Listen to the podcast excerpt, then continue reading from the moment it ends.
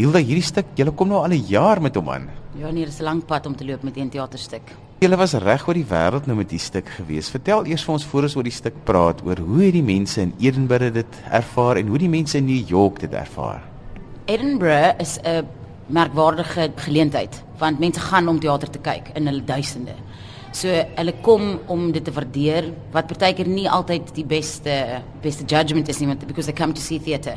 Maar in Edinburgh hulle dit geloof. Hulle het tou gestaan om die show te sien teen die einde van die derde week was ons uitverkoop elke dag. So dit was baie humbling and amazing.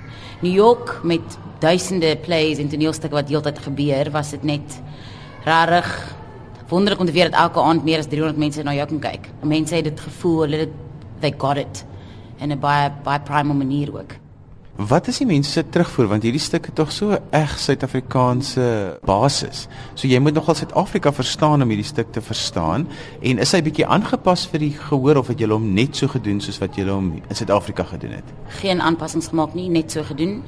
Ek dink dit is universeel van die temas waarmee ons op die verhoog deel. Soos dit is 'n tipies Afrikaanse storie op 'n plaas in die Karoo, maar dit is liefde en dis haat en dis verwyd en dis jou ma, my ma. Dis temas wat mense reg oor die wêreld mee kan vreensel selfig. Veral die die hooftema in hierdie stuk is wie se grond is. Oral oor die wêreld het mense ander mense gemanipuleer om om te kry wat hulle wou gehad het. So ek dink dit dit resonate nogal met almal. Toe ek die vorige keer met jou gesels het, het jy net begin om die vel aan te trek van hierdie karakter. Nou sit 'n jaar later. Vertel vir ons van die karakter wat jy speel. Ek is baie lief vir Julie. Ek weet sy's 'n terrible. Baie mense haat haar. ek love haar. Ja, ons het 'n lang pad saam geloop. Sy kom na my toe nou. Ons is ons is twee verskillende mense, maar daar's daar's nog steeds goed wat Julie doen wat op die verhoog wanneer ek heeldag gaan wow. Okay, is dit waar ons is vanaand. Waar ek in die begin van 4 uur af ons ophou praat en depressed word in my kop, sielkundig net om te na die diepte toe te gaan wat ek moet, is dit asof ek nou net die rotine het van teater toe kom opwarm en dan sal sy arriveer wanneer sy doen. Ek, ek laat dit oor aan aan wat ook al dit is om net deel te word van my as om te gaan o oh, nou moet ek Julie word. Is net nou is ek jy en nou is ek ek En dit was ook interessant geweest dat hierdie rol was mos te vroeë jare baie kontroversieel want Sandra Prins het hom gespeel en mense het ook in hulle massas uitgestap. Hoekom ervaar mense dit nou so anders? Ek dink dis 'n bietjie van alles. Ek dink definitief ons is op 'n ander plek in ons koppe, veral mense wat die show kom kyk weet en waar dit gaan. Want dit gaan jou challenge, dit gaan jou kwaad maak, dit gaan jou hartseer maak, dit gaan jou wil laat uitstap. Maar soos ons gesê het vroeër, ek dis iets wat in jouself gebeur as jy Miss Julie kyk en as jy uitloop en as jy kwaad word, is ek dink moet jy in jouself kyk waar daai gevoelens lê. En ook ek dink omdat al die waarhede van Suid-Afrika, die jong demokrasie mekaar uitvat op verhoog jy kan nie net uitloop nie want dit is jou storie, dit is hulle storie, dit is ons storie en ek dink as 'n kollektiewe Suid-Afrika wil ons almal vrede hê en 'n beter vorentoe toekoms hê vir almal. As jy so lank saam met dieselfde akteur in die hoofrolle speel, watter dimensie tree tot die rolle toe? Ek weet nie eens om dit te verduidelik nie, maar daar's daar's definitiewe Juliisms en ons definitiewe heeldag kronee goed wat nou begin in my kop plaas maak. Ek huil verskriklik maklik vir alles. ek dink ek het tog altyd was ek sensitief en empaties, maar nou is dit Nou is dit om 'n traan as ek Semeland kyk van baie minder gebeur. maar ja, ons het saam gegroei en elke dag omdat jy elke aand moet uitgaan en oor en oor en oor, jy kan nie na dieselfde impulse toe gaan nie. So jy vat maar net aan alles wat in jou lewe gebeur en ek jy's net baie meer oop na dinge toe wat jy kan inspireer en As 'n mens New York toe gaan, regtig internasionaal. Wat het jy gedink die aand voor jy geopen het daar? Ek wil iets sê oor die eerste wêreld. Mense dink jy land in Amerika. Toe ons land was dit net na Hurricane Sandy en dit is nou 23 uur op die vliegtuig. Toe sê die kaptein hy laat weet ons is vroeg, maar daar's niemand op die runway om ons in te laat nou nie. Daar's nie een van daai mense wat jy wys hoe om te berth nie. Toe sit ons vir 'n uur op die runway.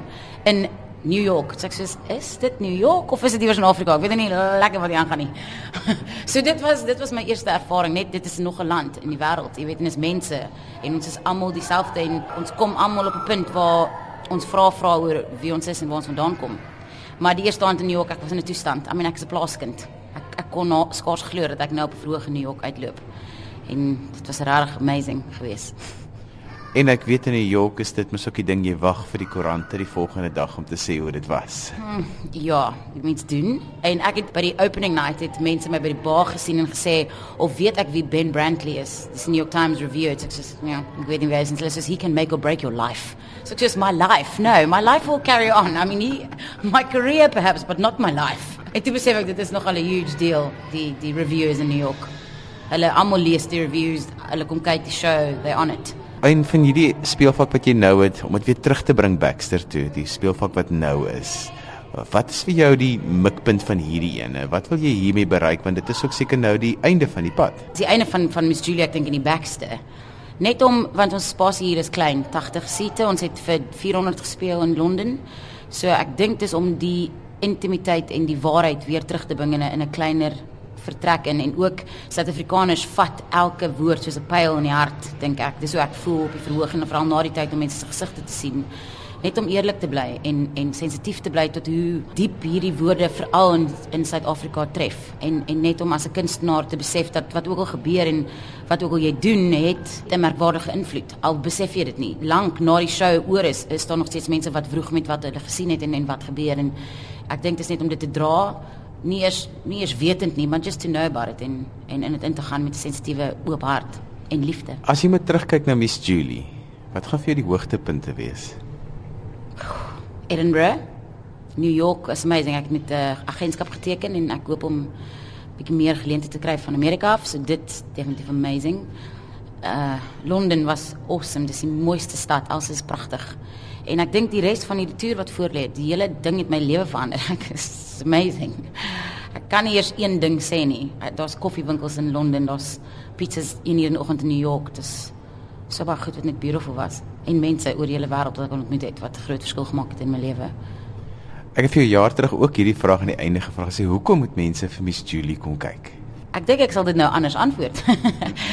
uh Miss Julie is 'n ware Suid-Afrikaanse storie wat ons almal se waarhede op die tafel lê, letterlik en figuurlik. En ek ek dink net om jouself te challenge as 'n Suid-Afrikaner wat in 'n demokrasie glo en wat deur apartheid gekom het om te sien waar jy opgeëindig het in jou eie hart en hoeveel jy eintlik verander het en hoeveel dinge jy nog vashou of is jy 'n kind van apartheid of is jy 'n kind van die Suid-Afrika? Ek dink dit is die vraag wat jy vir jouself kan vra eerlik in 'n spieël na jy Miss Julie gekyk het en hoe ons vorentoe gaan gaan as 'n Suid-Afrikaner en as 'n land.